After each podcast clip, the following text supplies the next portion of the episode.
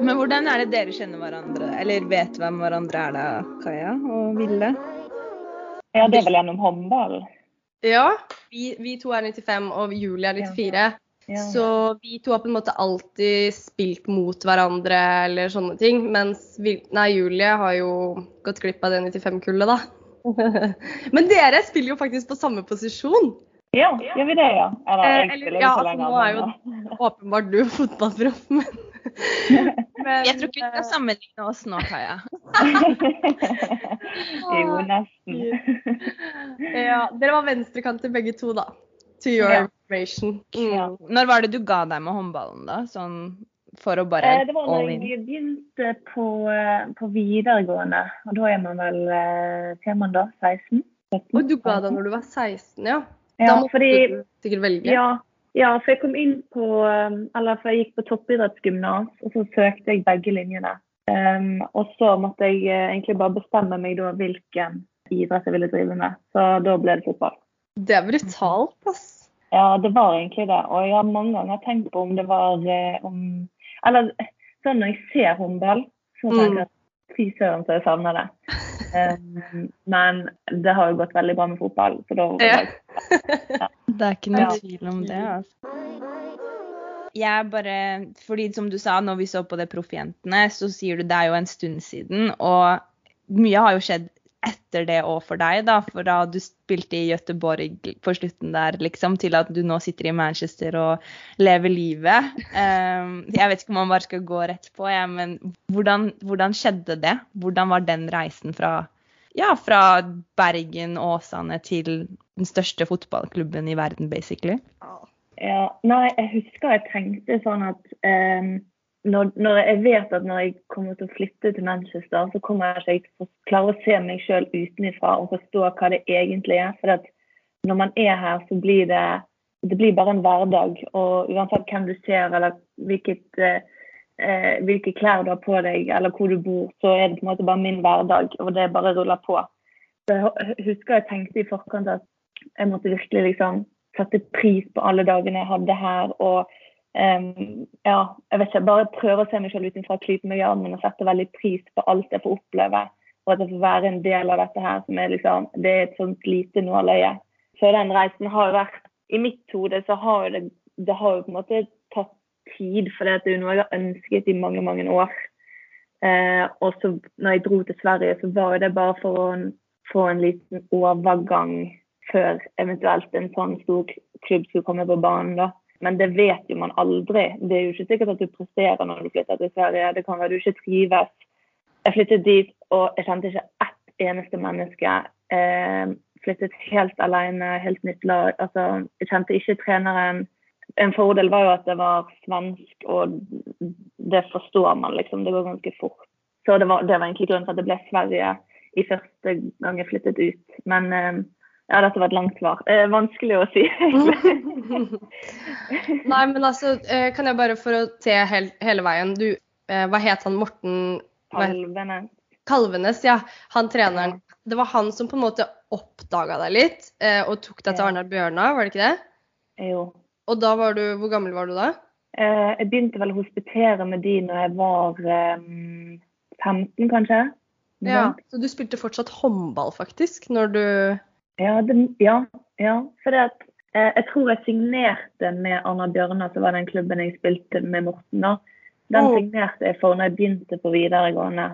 Og jeg hospiterte med de før, ja, så jeg må holde på med begge deler frem til jeg da måtte ta det valget, og da ble det fullt Arna Bjørnar. Og, Mm. da, og det, det holdt jeg på å si, de var jo i toppserien. Så det var på en måte ditt første møte med ordentlig satsing, da, sikkert. Ja. Og så har du vært der i alle år før du gikk til Gøteborg? ja. Nei, jeg spilte i Anna Bjørnar helt frem til jeg flyttet til Sverige. Altså, jeg, spil, jeg hadde vel eh, syv eller åtte år. Jeg hadde rekordbåndet ett år, så syv sesonger spilte jeg for de før jeg dro til Sverige. Ja. Så du var Mm. ganske rutinert. Og det er jo ganske interessant, fordi vi så jo som sagt den Proffjentene-serien, og så diskuterte vi litt rett før du kom inn i rommet her om komfortsonen. fordi det syns vi var ganske interessant, og har vel eh, snakka veldig mye om komfortsonen. Ja, og bare hvilket forhold du har til, til komfortsonen, da, og hvordan, hvordan, du jobber med å ikke bli for komfortabel, men samtidig så søker vi jo en viss trygghet og en sikkerhet mm. i hverdagen, på en måte. Ja, eh, det var kanskje litt min utfordring da jeg var yngre, fordi jeg har jo egentlig hele oppveksten vært blant de beste. Og har liksom kunnet levd på det ganske mye. Og så, når jeg ble hentet opp på A-laget i toppserien, så hvis jeg gjorde det litt bra, da, så, ble jeg veldig fort fornøyd, og da havnet jeg i den komfortsonen. Og da var det Morten som dro meg ut av den hele tiden. Um, og det er jo noe jeg fremdeles Jeg syns det er litt deilig å bare tenke at ja, nå har du vært bra, og så kan du liksom ligge litt på den linjen. Men um, vet ikke, det blir litt annerledes når man flytter ut, for det at nå på en måte ofrer jeg en god del ved å bo alene, vekk fra kjæreste, familie, venner, alt. Så når jeg først er her, så vil jeg liksom gjøre maks ut av det for å få Eller bli best mulig, da. Og da kan jeg liksom ikke hvile så mye som jeg mm. kanskje gjorde da jeg var litt yngre, og syns det var litt deiligere. Mm. Så hvordan pusher du deg ut av den komfortsonen, da? Til hverdags, liksom? Eller i Manchester? Nei, det handler egentlig bare om den eh, konstante utviklingen. Du har, du har, ikke mulighet til å være i noen komfortsone her, egentlig, fordi nivået er såpass høyt.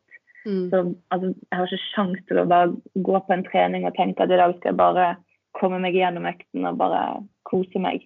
Det er liksom en konstant utviklings, utviklingsfokus og en kamp for å være i startelver. Vi bytter på en måte ikke så mye, så det er det å være innenfor den elveren det er på en måte det du jobber for hele tiden. Og det skal ikke mye til for at du kommer utenfor den, og da er det vanskelig å komme seg inn igjen. Så det er nok denne, det der jaget om å hele tiden bli bedre på trening og sånn. Så, så, bra, da. Det er jo på en måte et veldig sunt jag også, hvis man ønsker å bli den beste. Eh, mm. men, men, hvor mange er dere i Manchester i A-gruppa, liksom? Vi er rundt 20 stykk, tror jeg. Og hvordan, hvordan, har din reise vært i forhold til spilletid, siden du, du hadde jo overgangen din i sommer? Juli, mm. var det ikke da det ble kjent? Jo, stemmer. Ja. Jeg begynte eh, fordi det, kom, det, var noen som kom litt fra skader og hadde litt lengre ferie. Så i begynnelsen av sesongen så var ikke vi så mange Jeg spiller sentral midtbane, så det, vi var ikke så mange midtbaner akkurat da. Så da eh, spilte jeg de første kampene, og så kom folk litt tilbake fra skader. Og da var jeg egentlig en god del på sidelinjen og ikke, fikk ikke spille så mye. Fikk noen minutter innimellom. Og så nå i det siste så har jeg blitt sittet litt høyere i banen, eh, og så har det gått veldig bra. Så nå er jeg i elveren, vil jeg si. Herregud, så gøy. Mm, du skårte på søndag òg, eller? Ja. Ja, du gjorde det. Gratulerer. Hvordan er det med publikum og sånn for, for, dere, sånn når dere spiller kamper? Nå har det jo vært korona, da, men, eller er, men Ja. Nei, vi har rundt um, Det kommer litt an på hvilken type kamp det er, men rundt sånn 1500 kanskje per kamp.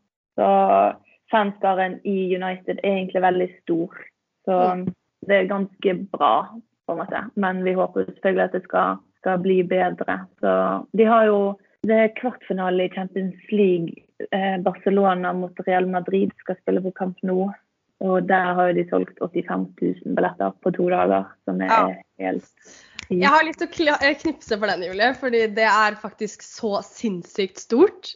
Og kan ikke du si litt om den utviklinga som har skjedd med kvinnefotball Eh, eller ditt syn på det, da. Fordi det, er så sykt gøy å se at det kommer så mange flinke altså idrettsprofiler.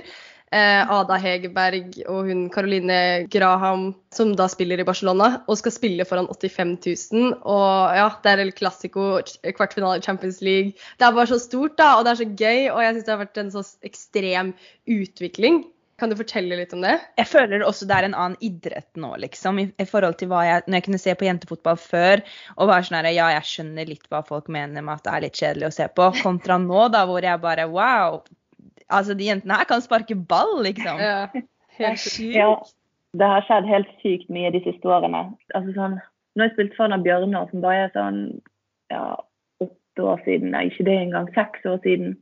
Altså Bare da var ikke kvinnefotball det samme engang. Vi, hadde, vi, spilte VM i 2019 i Frankrike, og jeg føler det var litt sånn gjennombrudd for baller. Eh, da hadde vi altså det var, Jeg spilte for 40 000 mot Frankrike i nytt, liksom. Eh, som er Det er bare noe helt annet. Så jeg føler liksom det var litt starten på noe veldig, veldig bra. Og så ser jo man nå at ja, men sånn som Barcelona-kampen, da, så hvis først, folk først får oppmerksomhet, så tror jeg det er veldig lett å hive seg på og synes at det Mm. er veldig, veldig kjekt. Men så handler det også om den eh, tilgjengeligheten. Det vises mye mer kamper nå. Det er mye lettere å følge med og se de store oppgjørene som da skaper interessen òg. Så Mm. ja, jeg tror det er en miks av mye, men de stegene som har blitt tatt bare de siste årene, er liksom helt enorme. Så jeg tror at hvis dette bare fortsetter, så, så kan det bli enormt bra. Mm. Det handler jo veldig mye om interessen.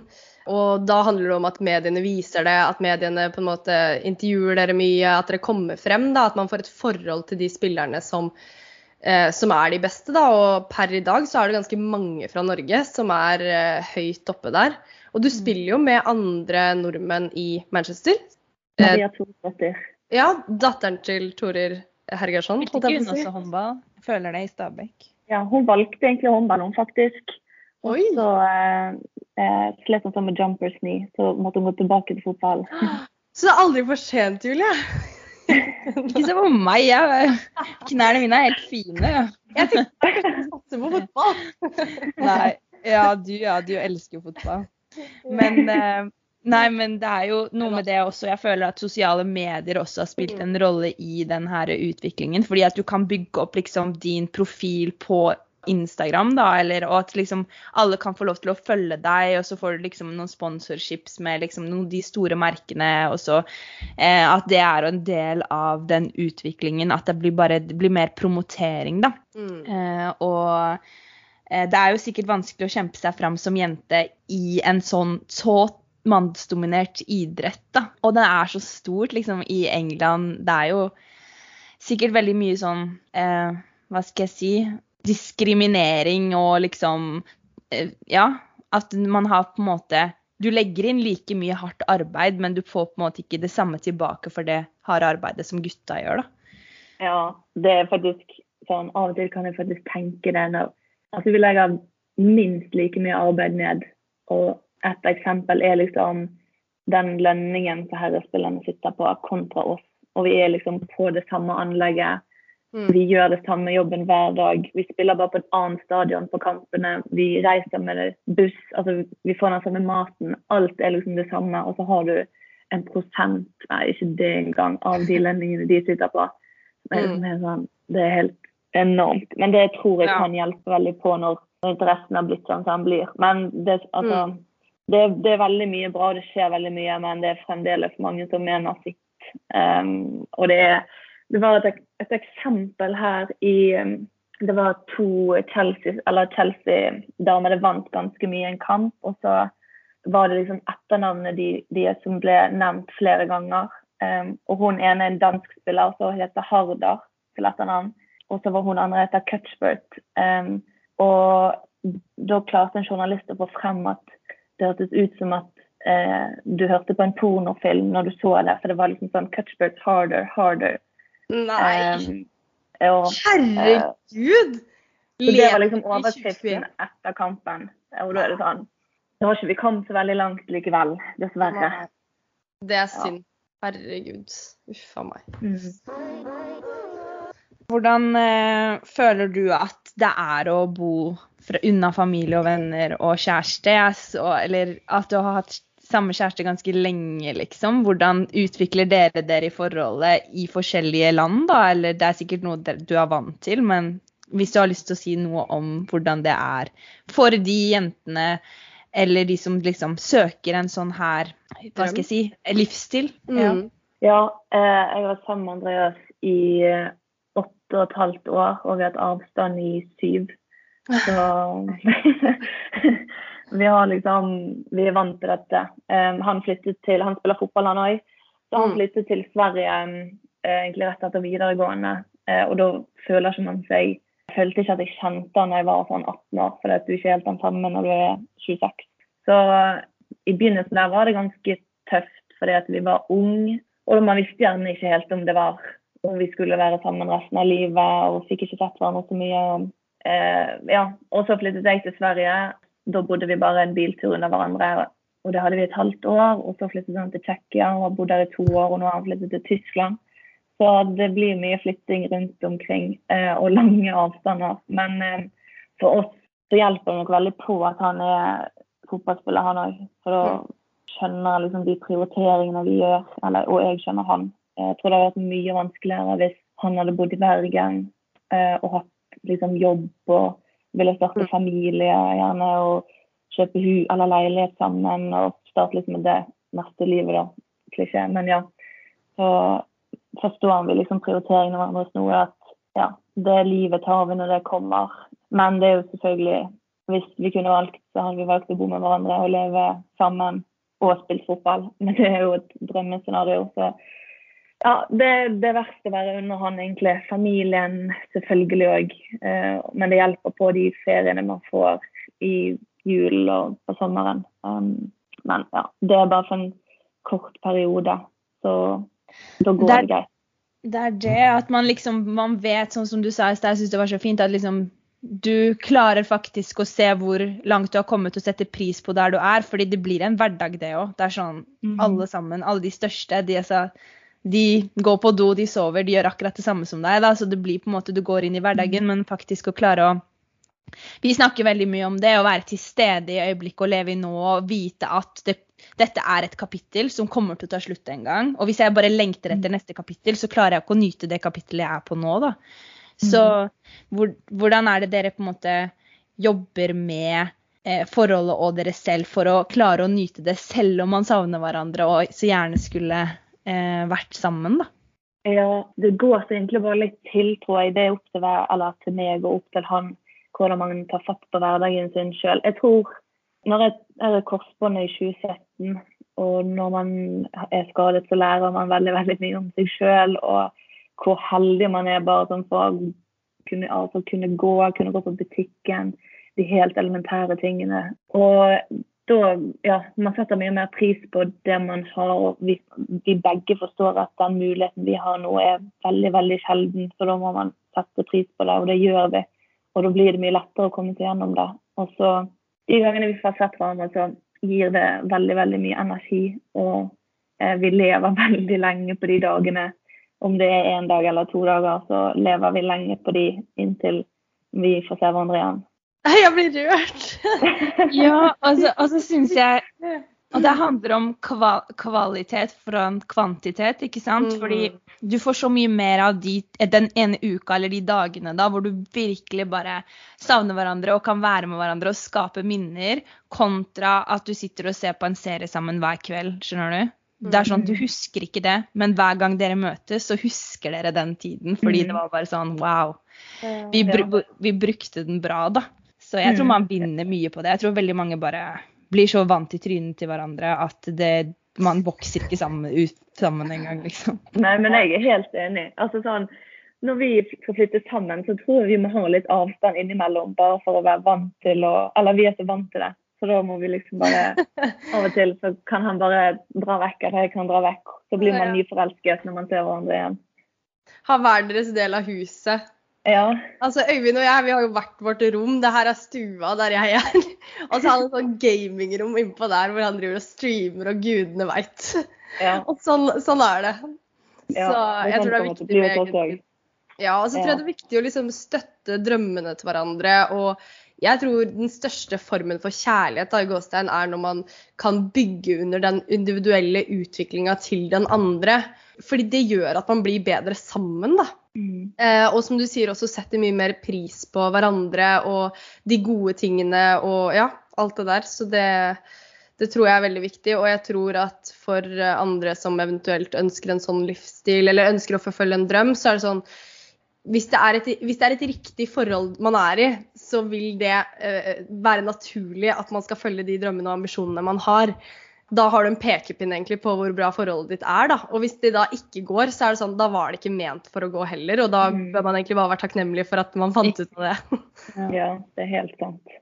Og sånn som Amanda sa, vi hadde Amanda Kurtovic med, og, hun, og jeg spurte liksom sånn derre Føler du at du har ofret mye? Og så er det sånn Nei, egentlig ikke. Jeg føler ikke at jeg har ofret mye. Jeg føler ikke har ofret noen ting, nesten. Det er sånn Ja, jeg har tatt prioriteringer, og det er ting jeg har gått glipp av, men alt jeg har fått tilbake for det, det det er så mye mer verdt da, for meg som person Mm. og min utvikling kontra det du på en måte må takke nei til. Det er sånn Og det, det sitter sikkert du igjen med også, når du sitter der Ja. i Manchester og tryer. Ja. Apropos Ja, det, apropos Manchester. Har du liksom møtt uh, Rashford, eller uh, noen andre? Um, Har, har du Eh, noen syke historier fra liksom tiden din der? Har dere julebord med gutta? Ja, men det er det. For det er jo, det er jo covid. Vi får jo ikke gjort noe. Det er det som er så kjedelig. Vi har ingen gøye historier. Det, vi ser de på parkeringsplassen, liksom. Så jeg ser noen fine biler hver dag. Eh, og når de fester seg, det er vel det nærmeste jeg har vært. Eller vi kjører ut sammen. Men eh, ikke Mm. noe mer enn det. Men hilser du da? Er du sånn 'halla, Markus'? Nei. Hva Nei, jeg skjer? prøver å spille sykt cool. Bare sånn Å ja, nei, gud. Dette er ikke noe. Du skal se meg og Kaja hadde vært der. Vi hadde sånn hei, hei, hei! Ja, men jeg tenkte det i begynnelsen da jeg fikk vite at Ronaldo signerte. Det var jo sånn OK, vi Ja. er minutter av, du bare løpe bort og ta selfie. med no. Men nei, altså det går ikke da Da har det blitt flaut. Men vi har fått noen på laget som er sånn Fordi vi trener på samme anlegg, det er sånn 15 baner. Og så av og til trener vi ganske nærmt til deres baner. Og da kan en av de fra laget bare sånn Bruno! Bruno! rope borti. Sånn, nei. Alle de andre bare 'no, no, no'. Ja, så bare treneren bare sånn no, no. Ja, men det er, jo, det er jo liksom sykt at man egentlig trener samme sted. Jeg hadde sikkert lagt meg på gresset og bare ah, få litt energi. Men hallo, faen, Ronaldo er der. Ja. Det er faktisk sykt. Da tror jeg kanskje jeg hadde tatt en halla likevel og bare latt som ingenting. Men det blir sånn snikfilming på Snap. Sånn. Hello, Ronaldo sender til alle vennene og later seg sånn cool. Åh. Men har du sånn noen store hva skal jeg si, sånne øyeblikk, sånn uh, uforglemmelige øyeblikk som idretten har gitt deg, som du bare husker skikkelig godt? Eller føler du sånn The best is yet to come hver Nå er det mange spørsmål i ett her, men sånn hva, hva er drømmen din, på en måte? Hvis man kan sette det på spissen sånn. Du lever den sikkert nå, men Ja, det er det. Jeg prøver virkelig å, som du sa, å leve i nuet og, og ta liksom hver dag ikke for gitt. Bare ja jeg, ja, jeg lever drømmen min nå. Men et spesielt øyeblikk var egentlig når vi spilte VM i 2019 mot Frankrike for 40 000, og franskmennene sang nasjonalsangen. Sikkert 35 000 franskmenn som sang alt de kunne inne på stadion, og jeg sto der. Jeg startet da, så jeg fikk stå ute på banen, og jeg måtte bite meg i kinnet for at ikke tårene skulle begynne å trille. For det var, altså det var så sterkt. Og det bare gjorde meg at du kjente det liksom i brystet. Eh, og jeg var bare sånn OK, skal jeg spille kamp nå? Og de sang helt i 90 minutter. Eh, det, ja, den, det var den sykeste opplevelsen noensinne. Det var ikke vår nasjonalsang engang, det er jo litt gale. Men det var bare de franskmennene er crazy. Ja, en stor opplevelse, da. En hel stadion som synger og Ja, Mm. jeg fikk frysninger bare du sa det. Det må jo være helt sinnssykt. Og bare tanken på at det nå er solgt ut El Clásico med 85 000 mennesker. Jeg bare syns det er så vilt. Og det er så Mm. kult. Når er det den skal spilles? Var det mars? Ja, i midten av mars en gang. Husker ikke datoen, men i mars, ja. Ja, den må vi notere oss, Julie. Faktisk. enig, vi ser den sammen. Ja. Det er bra. Føler du at du har tatt noen valg, sånn, noen store valg som har vært kjipe og vanskelig å ta, men de har gjort at du har kommet dit du er i dag?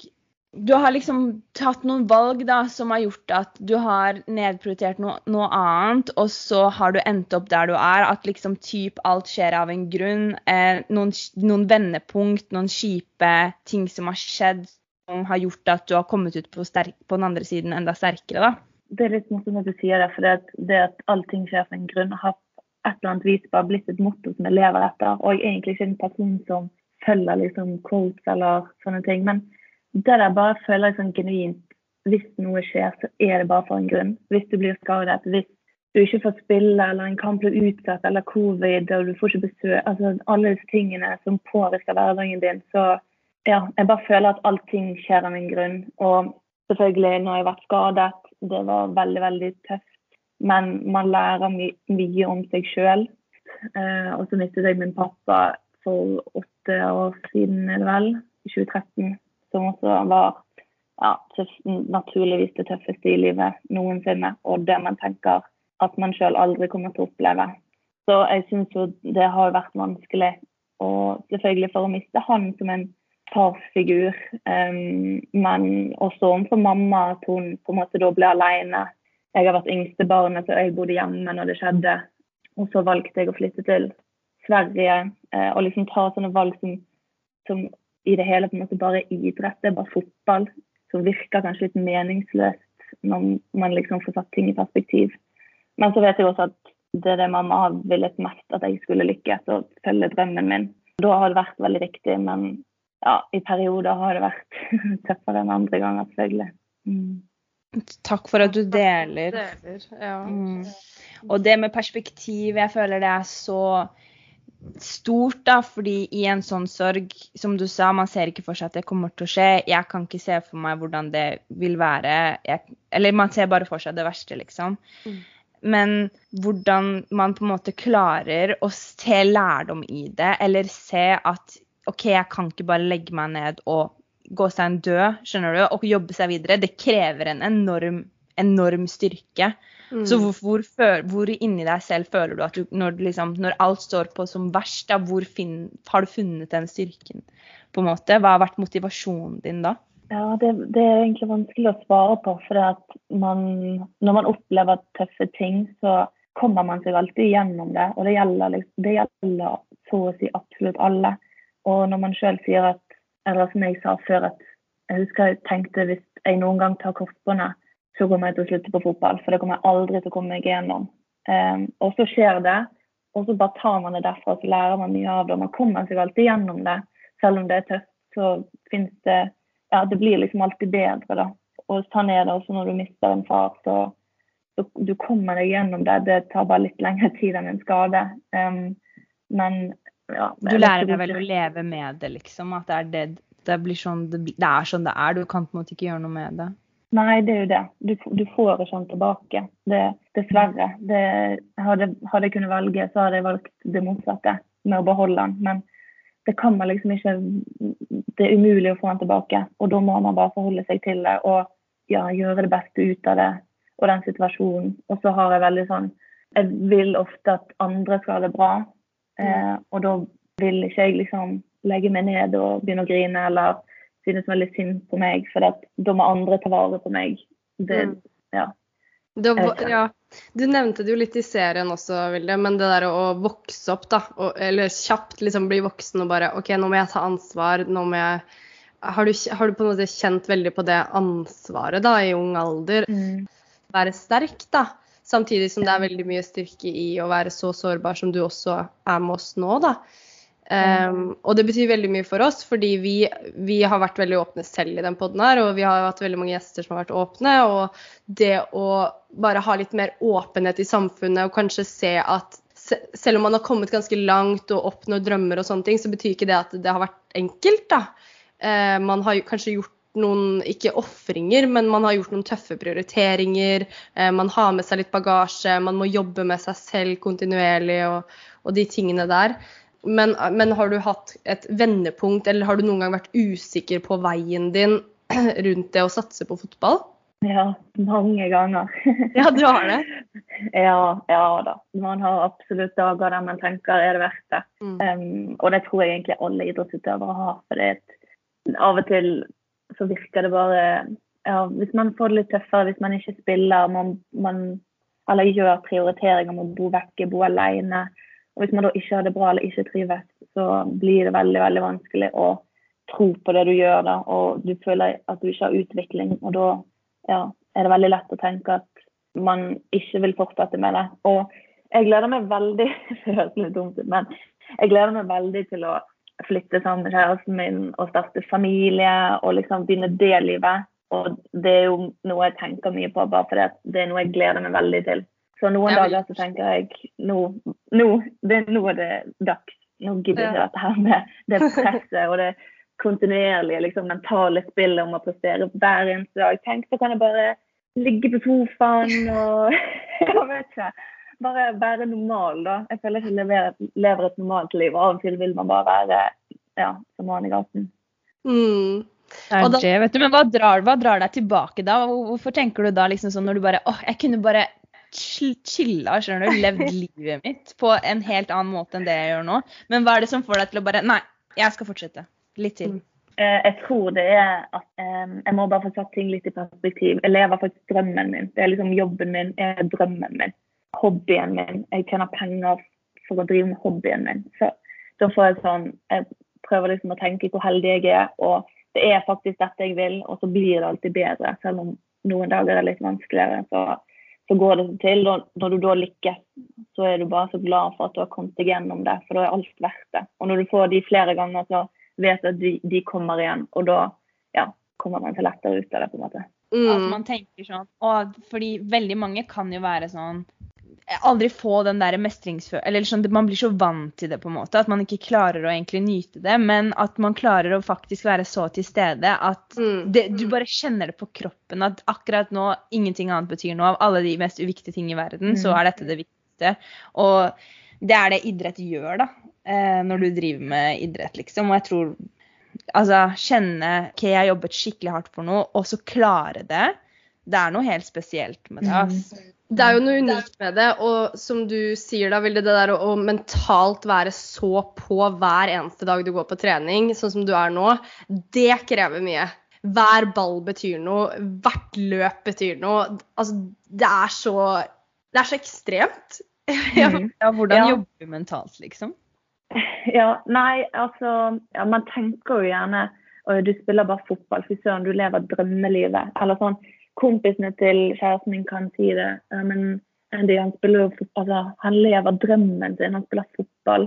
Men så ser man ikke de dagene når ja, du har kamp hver helg. Eh, det vil si at du må få kroppen din til å være best mulig hver helg. Eh, du må ta alle prioriteringer og gjøre det som skal til med søvn, med mat. Og så sover du kanskje dårlig.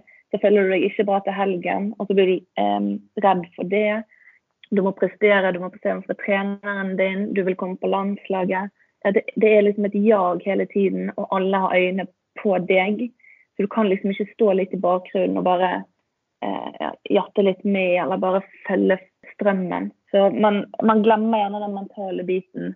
Og det å Vi har ikke helg, f.eks. Helg er ikke jeg, kanskje, jeg vet ikke hva altså en fredag eller en lørdag for meg nei, Det er ingenting. Hvis folk sier god helg, så sier jeg Eller ja, jeg vet liksom ikke hva det er. Eh, Så man får selvfølgelig fridager innimellom, og da slapper man av og glemmer alt som heter fotball.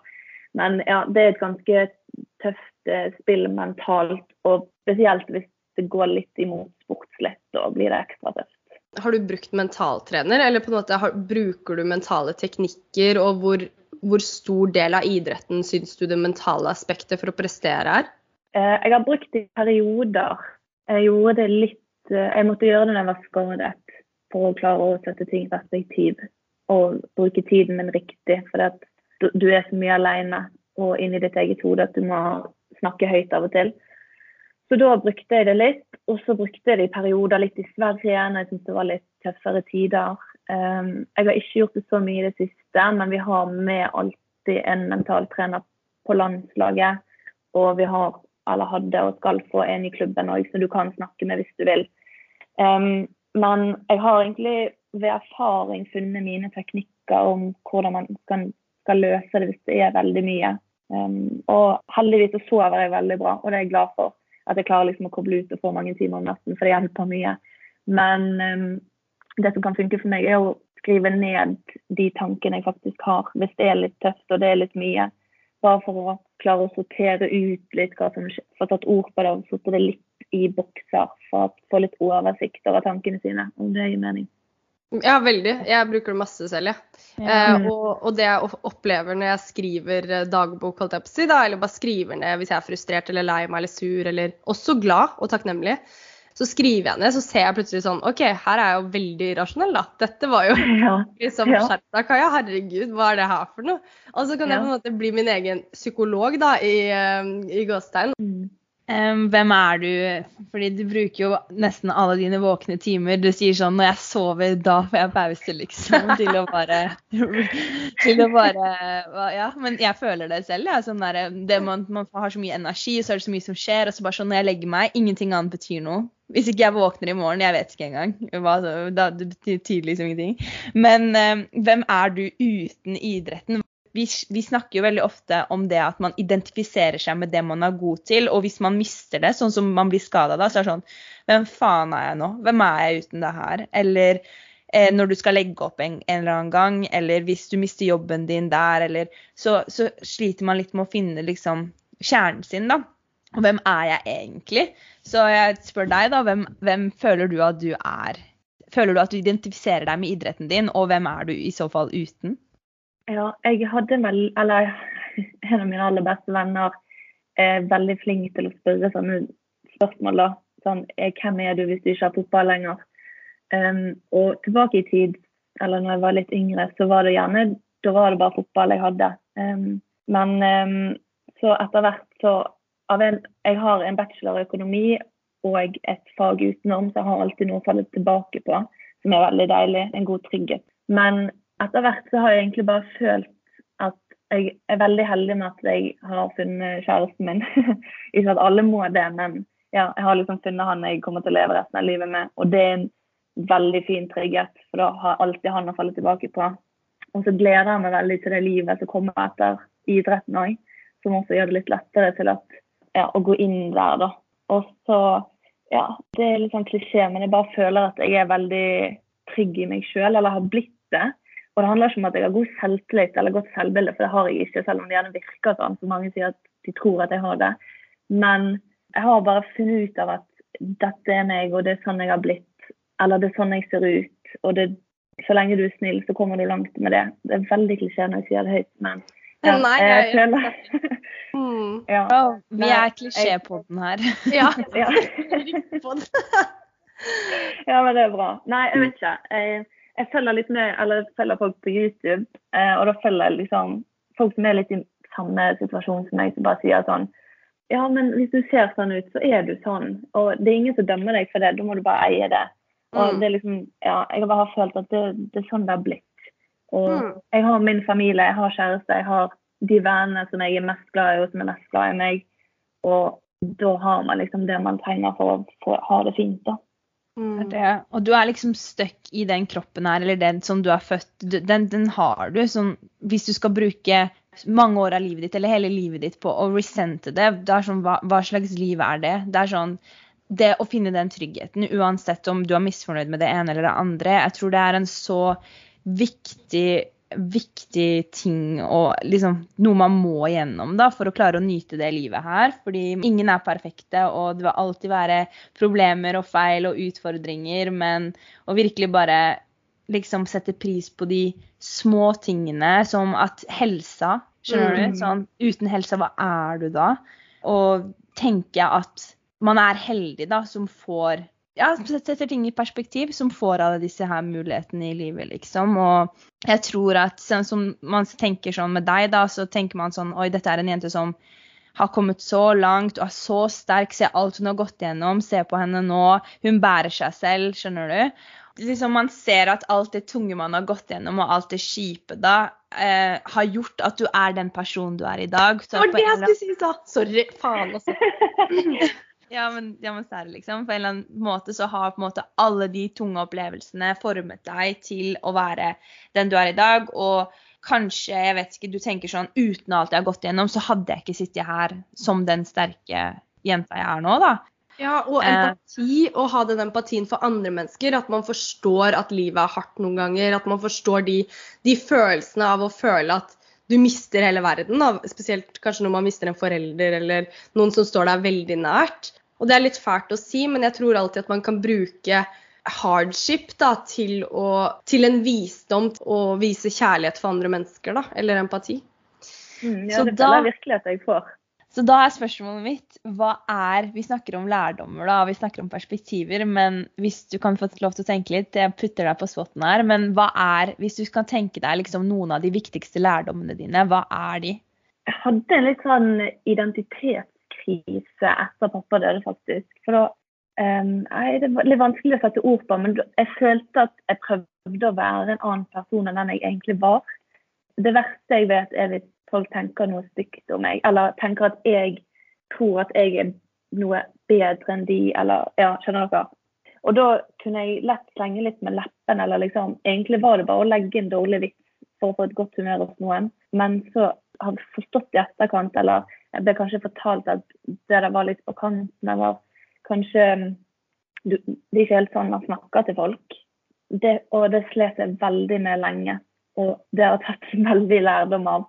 Um, og har gjort til at jeg har blitt en mye bedre person uh, mot andre og fått veldig veldig empati og er veldig forsiktig med hva jeg sier. For jeg vet egentlig ikke helt hva de sitter med sjøl inne hos seg sjøl, om de har vanskeligheter med, med, hvem de er. Og, ja. Så jeg har tatt veldig lærdom av det.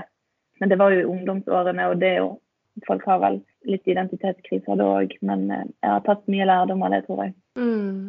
Og det er så fint, eller det derre som at man vet ikke hva noen andre har gått gjennom da, eller hvilke kamper de kjemper. Eh, mm. Og man har godt av å få en reminder på, på det, ass, eh, uansett mm. hvilken alder, tror jeg. Ja, og så handler man jo litt i usikkerhet, da. fordi som du sier, det er jo en usikker periode, spesielt i ungdomsåra, hvor man er litt sånn Hvem er jeg, hva vil jeg, hva gjør jeg her, eh, og alle de tingene. Og så prosjekterer man kanskje de usikkerhetene over på noen andre, da som du sier, ved å være litt frekk eller litt på kanten eller sånne ting. Og det, man, man, får noen lekser, men det er viktig at man på en måte blir bevisst på det òg, da.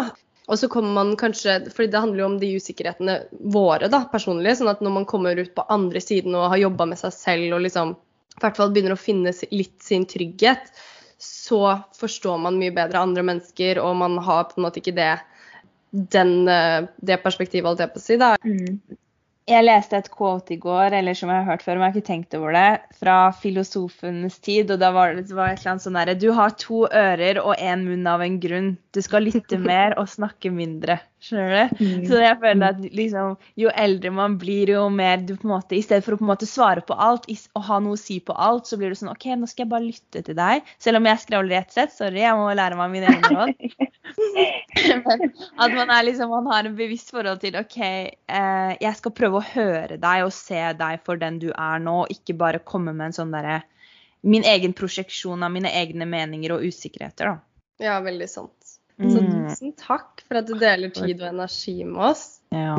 Det er så lite. Jeg syns det er veldig kjekt. Jeg elsker når andre gjør det. For da må man by på seg sjøl òg. Ja. Men, men, åpenhet, det syns jeg er veldig fint. Og jeg, jeg, tror at det vil drive oss frem som samfunn også, da. Og eh, jeg husker da jeg var yngre og spilte, kom førsteåret til Oppsal da jeg var 18, liksom, og i Eliteserien og, og, var veldig usikker, så snakka man på en måte ikke på det nivået som jeg prøver å snakke nå om idrett, da, eh, fordi det er en veldig fin ting. Og så er det også en veldig brutal ting, da, spesielt når man er ung og må gjøre tøffe valg og prioriteringer. Så, så jeg bare syns det er så fint at du kan dele Og så mange som ser opp til deg og liksom. Jeg føler ja. Man, ja, at man kan få en bedre følelse av de man også ser opp til. Så. Mm. Av at de deler og absolutt. Mm. Men føler du at det er annerledes når du kommer tilbake til håndball nå, Kaja? Ja, helt annerledes. Nå er det jo liksom ja. Fra forrige gang så ville jeg jo Jeg hadde liksom ett mål, og det var å spille Champions League eller sånne ting. Og det var noe jeg på en måte bare gikk og tenkte på hele tiden, og det gjorde at jeg kanskje hadde noen spisse albuer eller liksom bare Jeg skal nå målet mitt. Uh, mens nå spiller jeg jo og bare elsker det. Nå har jeg på en måte Det er fælt å si det, men jeg har ikke noe annet mål og mening enn å kose meg på trening og i kamp og mm. kanskje bidra med litt erfaring, da. Jeg er jo eldstemann i laget, liksom. Så plutselig blitt en sånn mamma. Nei da. Men uh, Ja, ikke sant? Er ikke det sykt? Når er prime-årene for en fotballspiller, egentlig? Ja, De sier at han er 28-30. Oi. Da har man erfaring. Du har Ballon Dior, eller hva de kaller det, du. Om et par år. Ja. Ved siden av Ronaldo. Så skal du si 'halla, jeg ser deg hver dag'. ja. Nei, kanskje vi må dra ned på kamphjulet. Det hadde vært jævlig fett, ass. Ja, det hadde vært gøy. Jeg er down. Og nå har vi ikke snakka noe om landslaget, da, men du har, jo vært, eller du har jo vært der siden du var Det er noen år nå? Ja, jeg debuterte i 2016 og så korsbånd i 2018. Ja, Tre-fire år, kanskje. Så gøy. Hvordan, bare sånn helt på tampen, hvordan har den reisen vært? Jo, um, jeg har egentlig bare gode opplevelser med landslaget. Først Mm. og fremst at det, det er noe eget å representere landet sitt, som selvfølgelig alle på landslaget sier. Men ja, det å komme til et annet miljø og bare være med norske folk som bor i utlandet, og så er vi en fantastisk fin gruppe i både støtteapparat og spillere. Mm. Så jeg har kun gode ord å si om landslag, og jeg gleder meg alltid til å komme på samling. Så um, ja, det er egentlig det, er det beste jeg gjør, er å, å være på landslagssamling. Så gøy. Når er, Representere Norge. ja, det er viktig. Når er neste mesterskap, og hvor? Det er i sommer, da er det EM her i England, faktisk. EM i England i 2022. Mm. Nei. Kult. Det må man legge inn i kalenderen, da. Herlig.